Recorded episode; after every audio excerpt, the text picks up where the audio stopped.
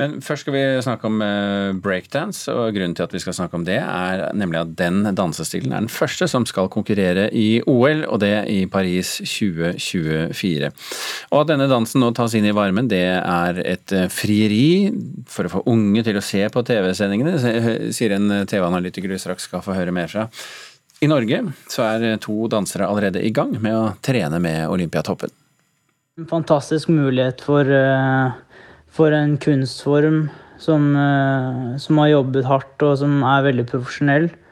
Og å få muligheten til å bli sett i et sånt lys. Da. For man har jo hatt et stempel på seg for å være på en måte Hva skal jeg si, en mer sånn gate, gateaktivitet.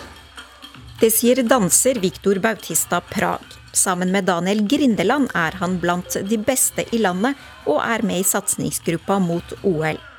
Nå trener de flere timer i uka og kan være Norges medaljehåp i OL i Paris i 2024. Breakdance, eller breaking som miljøet selv kaller det, oppsto i New York på 70-tallet og kom til Norge på 80-tallet. Grindeland tror breaking med en kombinasjon av dans og store spektakulære bevegelser kan vekke stor interesse blant de som ser på. Breaking er jo veldig atletisk. Altså, det er jo veldig mye akrobatikk. Det er mye dans, det er kul musikk. Og det som er at alt som skjer når du breaker, det er improvisert. Så det gjør at alt, eh, alt som skjer på scenen, det, det, skjer her og nå. Og det blir på en måte trukket inn i en, en ting som skjer det er altså intense øyeblikk. Og det tror jeg er veldig kult for folk, og det tror jeg at, eh, ja, at spesielt unge kommer til å like. Det er nettopp det som kan være grunn til at dansen nå er tatt inn i varmen, mener TV-analytiker Marianne Masayo i mediebyrået Mediekom. Vi vil nok helt klart eh, prøve å appellere til Eh, til litt yngre eh, målgrupper. Og skape litt entusiasme i forhold til OL. Masayo sier OL-seeren har blitt eldre med årene, og at breakdance skal sammen med skating, surfing og sportsklatring være med på å få flere unge til å se på TV-sendingene.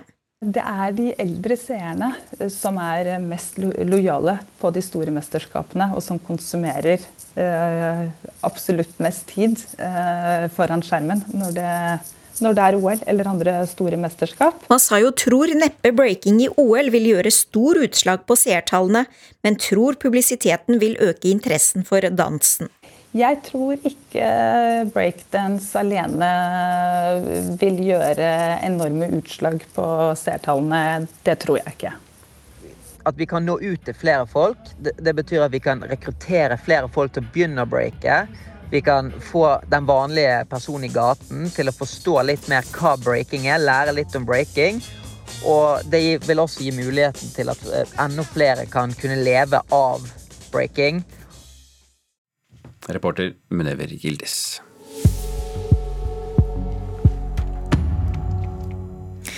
Religion er tema for årets temauke i NRK Super. Barnekanalen her i NRK har jo en slik uke hvert år, og tidligere har f.eks. skilsmisse og overgrep vært i fokus. Programleder i NRK Super, Selma Ibrahim, god morgen. God morgen. Hvorfor har dere valgt religion som tema denne gangen?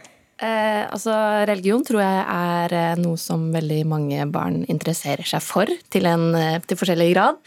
Og vi har lyst til å skape forståelse og innsikt. Og så tror jeg mange barn eh, kanskje ikke alltid føler at det er like kult å tro. Så jeg håper at den dokumentarserien vi lager, kanskje kan være med å føre til at det er like kult å tro som å ikke tro. Og så informere barn om at eh, de har trosfrihet. Det visste ikke jeg da jeg var liten, at det er en greie. Så jeg, det ble jo liksom litt sånn sjokkert selv. Jeg bare, ja, men å ja, de har trosfrihet. Det tror jeg mange barn ikke vet at de har. Mm. Og I denne serien som du snakket om nå, eh, møter du også barn og unge med ulike forhold til religion. Noen av dem tror, noen av dem tror ikke. Mm. Vi skal høre et av barna du møter, 13 år gamle Zakaria, som har pakistansk bakgrunn og er muslim. Det her er bønneteppet mitt. Og kan jeg se på det? Yes, det kan du. Da, ja, sånn. Når jeg blir litt eldre, så må jeg be fem ganger om dagen. Eh, nå ber jeg ca. Eh, fire ganger om dagen. Det er ikke alltid jeg rekker den eh, første, som er veldig tidlig om eh, morgenen. Når, hvor tidlig da? Eh, det, tiden endrer seg. Oh, ja. Så akkurat nå så er den ca. klokken fem. Fem? Ja, så Må du stå opp klokka fem? jeg gjør ikke det, men når jeg blir litt eldre, så må jeg selvfølgelig gjøre det.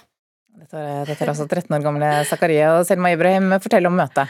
Nei, altså Zakaria er jo verdens kuleste gutt. Eh, han er veldig religiøs. Han har faktisk pugga Koranen utenat, og han kan ikke arabisk. Eh, og han eh, var veldig åpen og fortalte meg om eh, hvordan han er muslim på sin måte. Eh, og så fortalte han meg også kanskje det som gjorde mest inntrykk i, i serien, at da når han og moren er ute og går, så kan de oppleve å få slengt eh, eh, stygge ord etter seg, da, fordi at moren går med hijab, og han eh, går med et sånt eh, muslimsk antrekk, han også. Eh, og det var helt sånn vanlig for han, det fortalte meg bare sånn i en bisetning. Eh, så det ble jeg helt sjokkert over, selv om man leser om det i avisen eller hører om det på nyhetene, så er det liksom Når du sitter på rommet til en 13 år gammel gutt som forteller deg det, så blir du helt sånn åh, det er faktisk veldig viktig at folk ser den serien der og lærer at uansett hva man tror på, så er man like mye verdt. Men er det sånn at mange barn og unge får kommentarer eller hets da, eh, når det gjelder egen religion? Ja, det tror jeg. Jeg tror også at mange barn kanskje lærer av foreldrene sine om at eh, hvis du er muslim, så er det sånn, og hvis du er kristen, så er det sånn, og hvis du ikke er troende, så er det sånn. Eh, så jeg tror at det er på tide at man lærer seg at uansett hvordan man tror, eller hva man tror, så er man mennesker, og vi er jo i bunnen ganske like alle sammen. Hva er din oppfatning? I hvilken grad er barn og unge opptatt av dette med religion og tro og tvil? Jeg tror barna er kjempeopptatt av det. Det er litt gøy, siden jeg, da jeg begynte i Supernytt, eller fra jeg begynte i Supernytt, så har jeg fått veldig ofte spørsmål om hva jeg tror på av de som ser på Supernytt. Og jeg tror at uh, uansett hvor gammel man er, så lurer man jo på hvorfor i huleste man er på den planeten her. Hva skjer når man dør? Altså Det er jo spørsmål som jeg husker jeg har hatt siden jeg var kjempeliten. Jeg tipper veldig mange, uh, både voksne og barn, tenker på dette her. Og det er altså tema for årets temauke i NRK Super. Takk skal du ha, programleder Selma Ibrahim. Takk for at jeg fikk komme. There are countless planets throughout the universe. Astronomers think it's only a matter of time before some alien life forms are discovered. By applying the laws of life on Earth, Det er uendelig med planeter i universet og astrolog, eh, og eh, det er mange som mener at det det bare er snakk om tid før nye arter er oppdaget ute i universet. Denne lyden du hørte her, det var fra den nye Netflix-serien Alien Worlds. Så, kulturreporter Emily Louisa Mellen Eide, hva er det som er spesielt med akkurat denne serien? Den nye Netflix-serien Alien Worlds den eh, er en dokumentarserie som åpner for helt nye tanker om liv på fremmede planeter. Eh, Dokumentaren, dokumentaren blander vitenskapelige fakta om planeter langt vekke og fiksjon. Og I serien så forestiller forskere seg hvordan livet på andre planeter kan se ut med å ta utgangspunkt i økosystemet og livet her på jorda. Og Vi får mellom annet se og oppleve fargerike sivilisasjoner med flygende roboter, blomster på størrelse med katter og kjøttetende insekt. Dette er jo for så vidt bilder som vi kan se for oss, og vi har jo sett mange science fiction-filmer med grønne romvesener og lynraske eh, romskip. Eh, finnes det virkelig liv ute i verdensrommet? Det er ikke et spørsmål om det finnes liv eh, ute i universet, men det er hva liv det er som eksisterer der. For basert på data fra romteleskopet Keplers Mission eh, fra 2013, så kom de fram til at det er opp mot 40 milliarder planeter eh, der det kan eksistere liv. Og det er bare i vår galakse Melkeveien. Og det er planeter som jorda, som roterer rundt ei stjerne som sola. sola. Så hvilke planeter snakker vi om da? Det er snakk om planetene Atlas, Janus og Eden, eh, som de tar opp i denne serien. Og de sammenligner det li, mulige livet der med livet i f.eks. Etiopia og Mexico. Veldig eh, spennende. Det, serien heter altså Alien Worlds og er en ny serie som du kan se på Netflix. Emily Emilie Louisa Milleneide, takk skal du ha. Nytt år betyr også nye bøker, og forlagene har for lengst sendt ut lister over det de har på beddingen frem til sommeren. Litteraturkritiker Marta Norheim, god morgen og godt nytt år. Likeens. Da du var her og oppsummerte bokåret 2020 like før jul, så mente du at det var et uvanlig sterkt bokår vi la bak oss. Kan du si det samme om 2021? Hvordan er utsiktene? Blir det et, et sterkt bokår dette her også? Ja, det er litt tidlig å si. Det er lettere å spå bakover enn framover. Og til nå så er bokåret 2021 eh, bare lister og rykter, for, for meg i alle fall. Eh, men eh, jeg har jo merka meg noen tendenser. Um, og det er jo svært mange Nytt og bedre liv-bøker. Um, det er kroppen og økonomien og livskvaliteten og barna og, og det hele. Um, så jeg tenker at det vi får nå 1. januar er egentlig verdens lengste liste over nyttårsforsett. Um, Mange og, som trenger det, da? Ja, ja, ja, ja, det er mye bra å hente her, helt sikkert. Um, og så er det også uh, ekstra mange bøker i år om å feriere i Norge. Altså det er, det er turer til fjells, eh, toppturer, togturer, teltturer, turer med familien, eh, litt sånn røffe turer for de viderekomne.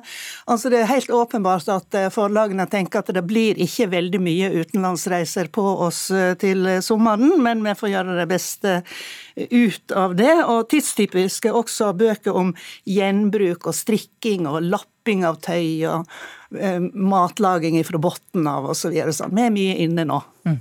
Hvis du ser utover dette her, da, utover disse nyttårsforsettene og tips og inspirasjon, eh, hva ser du da?